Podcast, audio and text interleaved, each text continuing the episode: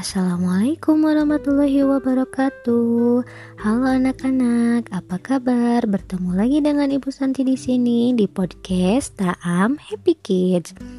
Hari ini Ibu akan menemani belajar kalian dengan membawakan sebuah dongeng yang berjudul Aku Tidak Menangis Lagi. Selamat mendengarkan anak-anak. Suatu hari, Shiva sedang menonton TV. Sementara Syabil terlihat sibuk bermain dengan mainan-mainannya, ditemani juga oleh Kitty. Beberapa menit kemudian, Syabil pergi ke halaman dan meninggalkan mainan-mainannya yang masih tercecer di lantai. Shiva lalu memanggil Syabil. Syabil, kalau sudah selesai bermain, Biasakan selalu membereskan semua mainan mainanmu ya, ucap Shiva. Syabil terlihat merengut.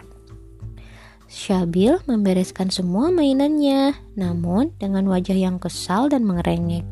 Sementara Shiva yang melihatnya hanya bisa menghela napas. Hmm. Pada malam hari, Syabil bermain lari-larian mengejar Kitty. Syabil, sudah malam, waktunya tidur, ucap ibu. Syabil masih mau main, Bu, rengek Syabil.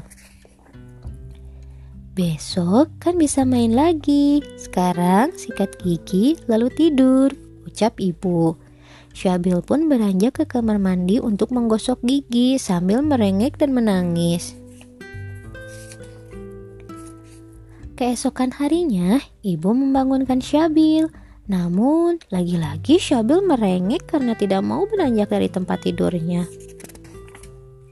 Ayah pun menghampiri Syabil. Syabil, tidak baik kalau Syabil terus-terusan merengek. Allah tidak suka dengan anak yang cengeng. Nasihat ayah. Jadi, kalau Syabil tidak cengeng, Allah sayang Syabil ya ya? Tanya Syabil. Allah sayang Syabil, tapi Allah akan lebih sayang lagi kalau Syabil tidak cengeng, jawab ayah. Syabil janji tidak akan cengeng lagi ya, ucap Syabil semangat. Ayah pun tersenyum lalu memeluk Syabil dengan erat. Setelah hari itu, Syabil tidak lagi merengek dan menangis. Ia sudah mengerti apa yang harus ia lakukan.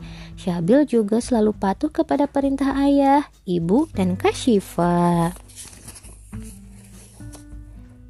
Syabil ingin lebih disayang Allah. Lagi pula, Syabil bukan bayi. Syabil tidak akan menangis lagi. Ucap Syabil, Syifa pun tertawa geli. Hihihi.